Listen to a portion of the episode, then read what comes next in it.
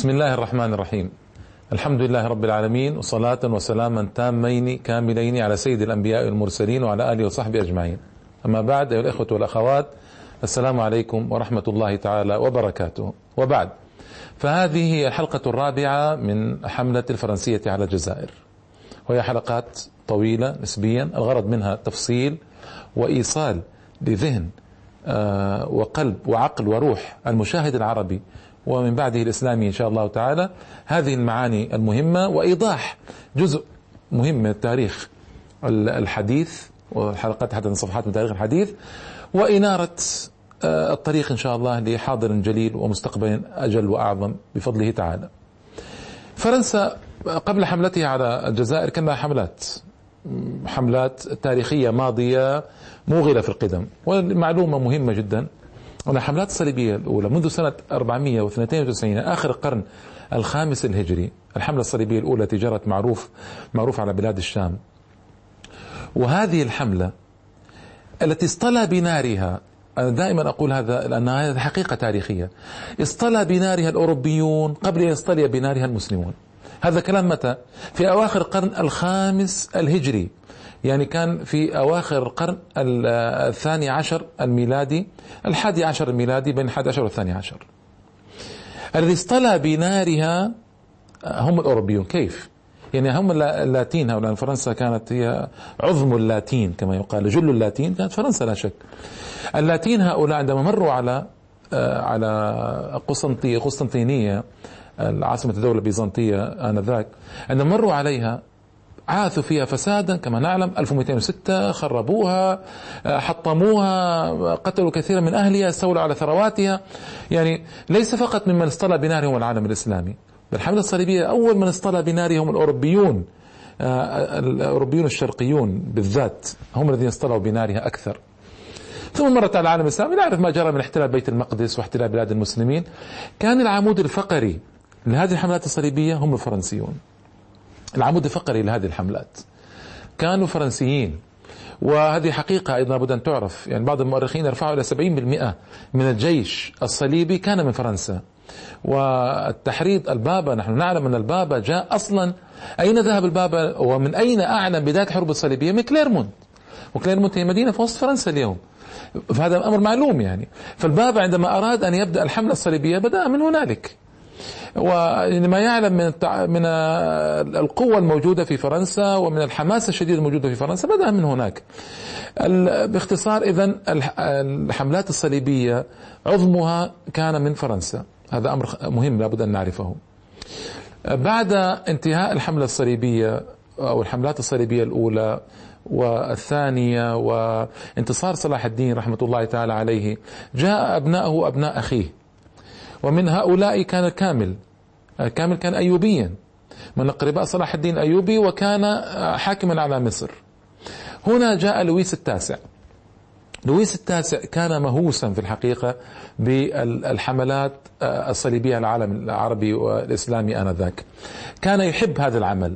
كان يقوم به وبقوة ويجمع له ويدفع له بسخاء ويجمع جمعا كبيرا له. لويس التاسع نحن نعلم أن الحملة هذه التي جرت كان مآلها الفشل. ولويس التاسع انتصر عليه المسلمون وحبس في سجن في دار ابن لقمان بالمنصورة في واقعة رائعة جدا عزيزة جدا في مصر آنذاك. كانت أواخر القرن السابع الهجري. هذه الواقعة التي جرت لويس التاسع عندما كان في سجنه كان يفكر لماذا انهزم الجيش. وكان جله من فرنسا كما نعلم. لماذا حدث عليه؟ كيف نستطيع ننتصر على هؤلاء المسلمين؟ فوجد أنه لا سبيل عسكري للنصر وهنا ابتدأ ما يعرف بعد ذلك بالغزو الفكري للعالم العربي والإسلامي. هذه قصة طويلة بعد ذلك نتحدث عنها إن شاء الله تعالى. آه القضية المهمة هنا أن لويس عندما أفرج عنه بكميات هائلة من الذهب فداء ورجع إلى بلاده أراد أن يرجع إلى تونس. حتى نعرف أيها الإخوة يعني أن هؤلاء في حملاتهم ليس لهم هدف. المسلمون في حملاتهم الأولى كان لهم هدف جليل وواضح. إنارة الشعوب إدخال الحضارة عليها تركها في بلادها حرة. آه، كثير من البلاد العربية التي فتحت آنذاك ترك بلادها فيها آه، أهلها فيها أحرارا. تركت البلاد حرة لأهلها. يستثمرون يستثمرون خيرات يأخذونها لهم. كان المسلمون يفرضون عليهم ضريبة إتاوة خراجا يسمى. لكن كان الأهل الأهالي كان لهم حريات ضخمة. قبل المسلمين ذلك دخلوا في دين الله أفواجا. بينما ننظر نحن بعين الناقد البصير حتى الأوروبيون يعني القضية ليست خاصة فقط عند المسلمين. حتى المفكرون الأوروبيون عندما ينظرون في هذه القضايا يعلمون, يعلمون هذا أن الحملات الصليبية ما كانت تأتي بنتائج حضارية كما يقال. يعني ليس لها هدف إلا السيطرة وإلا البغي فقط لا غير. حتى لويس التاسع لما عاد أراد أن يرجع إلى تونس ويغزو تونس من جديد. حتى أركان دولته ما وافقوا على هذا. وبعضهم اتهمه بالهوس والجنون. لكنه استطاع أن يؤلف حملة ويأتي إلى تونس. بفضل الله تعالى أن الوباء والمرض استأصل هذه الحملة ومات في أرض تونس ودفن في تونس. يعني هذا لويس التاسع. فالذي أقصده أن هذه الحملات عندما نراقب وننظر يعني أتمنى والله أني أجد أقول والله فعلا لهذه الحملات كان هناك كذا وكذا آثارا كان لها آثار هي أثر كذا وأثر كذا أثر حضاري هنا أثر حضاري هناك. أتمنى أن أجد هذا يعني أنا أتحدث معكم بروح حياديه محضة الآن. أقول والله هؤلاء دخلوا فعلوا كذا وفعلوا من كذا من إيجابيات عملوا كذا. الحملات الصليبية الناظر إليها يجد أنها تدمير محض. سلب محض لثروات البلاد استخلاص محض ونهب محض للبلاد المستخربة مستدمرة ولا أقول مستعمرة كما بينت في الحلقة الماضية. يعني ما تجد الآثار التي تشجعك على أن تقول والله هنالك كان بعض الآثار الإيجابية للحملات الصليبية؟ إطلاقا.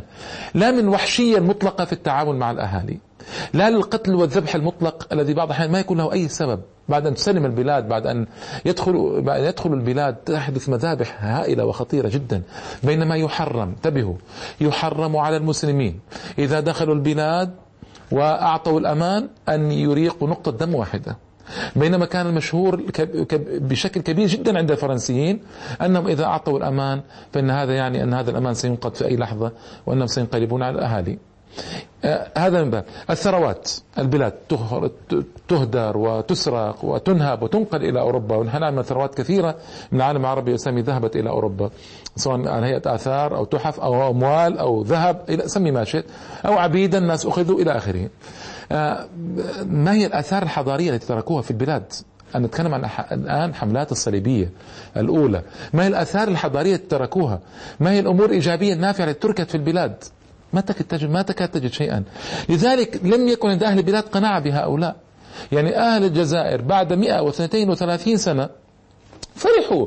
فرحا شديدا بخروج المستخرب الأجنبي من بلادهم. وما اتبع المستخرب من الجزائريين إلا قليل بل نادر والنادر لا حكم له. بمجموع الشعب يعني. نادر والنادر لا حكم له. سواء اتبعه في دينه أو اتبعه في آه، ثقافته وطريقته. أمر قليل جدا. والذي رضي به وخرج ورجع معه إلى بلاده. بينما انظر إلى ما كان يجري أيام المسلمين الأوائل. من رضا تام من أهل البلاد المفتوحة في أغلب كما يقال اليوم 99% من الحالات. رضا تام بالفاتحين الأوائل.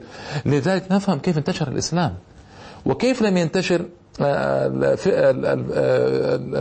تنتشر النصرانية في فرنسا وكيف لم تثبت أقدام الفرنسيين في الجزائر يعني في الجزائر ولم تثبت أقدام الفرنسيين في الجزائر.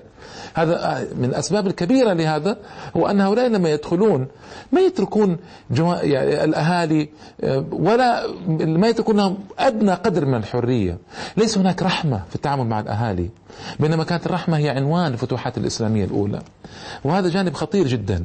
عندما ننظر حملة لويس التاسع على مصر ثم على تونس. ما نجد فيها أي جانب من الرحمة أي جانب من الحضارة أي جانب من الأعمال الإيجابية. نقل شيء مهم ومفيد. بالعكس كانت البلاد الإسلامية آنذاك في أوجها وكانت البلاد الأوروبية في آه، أدنى مستويات انحطاطها آنذاك. وما كان المسلمون يستفيدون شيئا من تلك الحملات الصليبية. هذا أمر معلوم. فرنسا والحملة على مصر أيام نابليون يعني هذه الحملة من أخطر الحملات مطلقا. لماذا؟ لأنها جرت بعد سنيات قليلات سنوات قليلات يعني من الثورة الفرنسية والشعارات المرفوعة. طيب لماذا أخذتم مصر؟ هذا سؤال مهم. يعني ما هو الهدف من دخول مصر؟ تجد الأهداف كل أهداف بغي وتجبر وتفرعن وهيمنة جبروت سميه ما شئت. طغيان. ليس هنالك كما يقال نقلة حضارية عندما جاء الفرنسيون إلى مصر. على الأقل في الأهداف المعلنة. ولا طبعا هذا باب الأهداف المخفية باب أولى يعني. ما كان هناك أهداف واضحة ظاهرة للعيان نقول والله هذه هذه الحملة وهذه إيجابيات وهذه نتائجها. ما سمي بالتنوير بعد ذلك وأذناب فرنسا وحزب فرنسا في مصر ودعا أن ادعى أن هذه الحملة هي حملة تنوير حملة الظلام مطلق وقد بينت ذلك ولا أعود إليه الآن. بين ذلك في حلقات من شاء أن يرجع إليها في الحملة الفرنسية على مصر. لكن عندما جاءوا ماذا صنعوا؟ كيف دمروا القاهرة كيف نقلوا ثروات المصريين إلى فرنسا؟ كيف فعلوا بالمصريين وأذاقهم ألوانا من العذاب؟ كيف أنشأوا أذنابا لهم ما يعرف بحزب فرنسا بعد ذلك في مصر؟ كيف وكيف وكيف؟ يعني عندما تنظر في النتائج ما تكاد تجد شيئا؟ كذلك في طبعا الحملة الفرنسية على الجزائر طبعا هذه كانت أقسى وأنكى وأصعب الحملات الصليبية مطلقا مطلقا. على أي بلد ما كانت هي الحملة الفرنسية على الجزائر كما سيأتي تفصيلها إن شاء الله تعالى. إذا فرنسا ومصر وعلى في أيام نابليون كان أعظم قائد فرنسي طبعا في تاريخهم. ما نجد ما نجد الفوائد المرجوة من أي حملة تنتقل كما يقال حملة حضارية على بلد معين. ما تجد هذا ما تجد هذا للأسف الشديد. تجد دعاءات وشعارات فقط. فرنسا أيضا قبل الحملة الفرنسية على الجزائر آه، اشتركت أو هي قامت بحملتين آه، على الجزائر. حملة سنة 82 600 وألف حملة سنة 84 600 وألف يعني في أواخر القرن السابع عشر الميلادي. آه، هذه الحملة لويس الرابع عشر. لويس الرابع عشر أمر بها وسيرها سيرها مقابل إيش؟ مقابل أن هؤلاء الجزائريين إنما أزعجوه في البحر أزعجوه في البحر. يريد أن يتحرك في البحر الابيض المتوسط يقتل من يشاء ينهب من يشاء يفعل ما يشاء يتحرك بحرية ولا يستطيع أحد أن يوقفه. هذا هو السبب. هذا هو سبب الحملة. أنت تجد سبب الحملة تجد سببا غير واقعيا غير واقعي اطلاقا. هؤلاء قوم اعتدى عليهم إنما يقوم برد الاعتداء. فهذا الملك الذي يريد حتى من هؤلاء إذا اعتدي عليهم ألا يردوا الاعتداء. هذا يعني أمر خطير. طبعا هذه هاتين الحملتان باءتا بالفشل وعادتا من حيث أتتا. وسبب سبب أن الجزائر كانت صخرة كبيرة جدا تتحطم عليها كل المقاومة وكان اسطولها اسطولا ضخما بكل المقاييس. بل كانت سيدة البحر الأبيض المتوسط بدون نزاع في هذه الكلمة. سيدة البحر الأبيض المتوسط. خبرة طويلة جدا من أيام خير الدين إلى تلك الأيام كان أكثر من 130 سنة تقريبا بعد وفاة خير الدين الحملة الفرنسية على الجزائر الأولى, الأولى قبل الحملة الأخيرة تريد نتحدث عنها إن شاء الله تعالى. خبرة كبيرة في البحر وأشداء أقوياء. يعني يكفي أن نعرف أن السلطان العثماني لما وافق على أن تتبعه الجزائر وأن يكون خير الدين هو الحاكم الرسمي في الجزائر تابع للدولة العثمانية. أمد أمد الجزائريين بخمس عشرة سفينة وبألفين من جيش الانكشارية الأشداء الأقوياء. الانكشارية هذا يسمى في اللغة العثمانية ييني جري ييني جري أي جيش الجديد ييني جديد الجيش الجديد. تعريبه انكشاري. هؤلاء الانكشارية هم قوم أشداء جدا. لا يعرفون إلا الجهاد في سبيل الله وطاعة السلطان والعمل الدائم والبذل الدائم. هذا في أصل تكوينهم. وربوا على هذا. وربوا على الإسلام والقرآن والإيمان. فكانوا مجاهدين أشداء وكانوا في الإيمان يعني في الجملة كان إيمانهم قويا. ويتحمسون ويبذلون ويعملون. هذا واضح واضح وبقوة في أثناء المعارك وبعد المعارك والنصر. يعني. فهؤلاء الألفان من الجيش الانكشاري الذي أمد به الجزائريون كان أثر كبير وكبير جدا في تقوية الجهاد الجزائري. الخمسة عشر سفينة كان أثر كبير. ثم ظل السلاطين العثمانيون يمدون الجزائريين بالسفن ويمدون الجزائريين بالجيش. هذا كله قوى الأسطول الجزائري فصار سيد البحر الأبيض المتوسط بلا نزاع ولا مراء. وهذا طبعا من الأسباب الكبيرة لغزو الجزائر بعد ذلك كما قلت لكم. وما استطاع الفرنسيون أن يأخذوا الجزائر إلا بعد تحطم أسطول الجزائري الذي شارك العثمانيين في معركة نافارين 1827 قبل دخول الجزائر بثلاث سنوات من قبل الفرنسيين فهذا الأسطول البحري آه، أنظمة فرنسا كانت خلال الاحتلال الجزائري نظام ملكي. نحن نعلم أن الثورة الفرنسية أعقبت نظاما جمهوريا. هذا أمر معلوم. وأنهم جاءوا لنزع الملكية وجاءوا لإبعاد آه، آل لويس وهذا الذي جرى. ثم بعد ذلك تقلبت فرنسا بين أنظمة ملكية وأنظمة جمهورية وأنظمة إمبراطورية كما حصل في إمبراطورية نابليون. نابليون طبعا بعد أن كان من أكبر دعاة التحمس الجمهورية الفرنسية أنشأ إمبراطورية ودعا نفسه إمبراطورا. كما نعلم إمبراطور نابليون الأول الإمبراطور الأول في فرنسا هو نابليون. نقل القضية من جمهورية صارت إمبراطورية ثم بعد ذلك جمهورية وملكية وإمبراطورية وجمهورية إلى أن استقرت في وضعها الأخير الجمهورية الخامسة في العصر الحديث كما نعلم بعد ذلك. إن شاء الله تعالى. فشارل العاشر هو الذي جرت المعركة أو الاحتلال الفرنسي للجزائر في أيامه. وما مكث طويلا جاء بعده فيليب فيليب لويس فيليب. لويس فيليب ملك فرنسا بعد شارل العاشر. شارل العاشر حكم فرنسا من سنة 24 و800 وألف إلى سنة 30 و800 وألف. 1824 1830 كانت فيها حصار الجزائر وأخذ الجزائر بعد ذلك. إذا الست سنوات اللي حكمها شارل هو الذي وافق على الحملة وهو الذي دبر أمرها والذي سيرها وهو الذي آه، في عهده دخل الفرنسيون إلى الجزائر. لكن لما دخلوا قامت آه، ثورة عليه وأبعد وجاء لويس فيليب بعد ذلك. لويس فيليب حكم من 1830 إلى سنة 1848 18 عاما ثم جاء بعده نظام امبراطوري نابليون الثالث. نابليون الثالث حكم من 1848 إلى 1870 ثم هكذا دواليك توالت آه، توالى الحكم في فرنسا على فرنسا وعلى الجزائر. طبعا ذلك تعدت بعد ذلك آه، آه، فرنسية محضة وألحقت بفرنسا بعد ذلك بقانون جائر وصارم وصعب. الذي جرى أيها الإخوة الآن آه، نريد أن نتحدث هذه مقدمة فقط. نريد نتحدث عن آه، قضية مهمة وهي أسباب الحملة. ماذا جرى على آه، لماذا جرت هذه الحملة؟ هناك أسباب سياسية وأسباب اقتصادية وأسباب دينية. أرجو أن يفهم هذا. هذا أمر مهم جدا وخطير جدا ونحن يعني إذا فهمناه نفهم كثيرا من الأمور. الأسباب السبب الديني سأرجئه للحلقة القادمة لأنه سبب متشعب وسبب فيه توسع في ذكره وفي نصوص لابد أن تقرأ عليكم. ليس من عادتي أن أقرأ, أقرأ ما, ما أحضره وأقوله لكن بعض النصوص لابد أن أقرأها حرفيا لشدة خطورتها ودلالتها وستساعدنا على فهم القضية بعد ذلك. أما السبب السياسي والسبب الاقتصادي السبب السياسي فرنسا تعرضت لهزائم. هزائم قبل أن تدخل إلى الجزائر هزائم في أوروبا وتريد أن تعوض هزائمها. هذه الهزائم تريد أن تعوضها على حساب الشعب الجزائري الذي ابتلي بها ردحا طويلا من الزمان. طبعا من المعلوم أن هنالك مشكلة كبيرة تاريخية دائمة أزلية بين بريطانيا وفرنسا.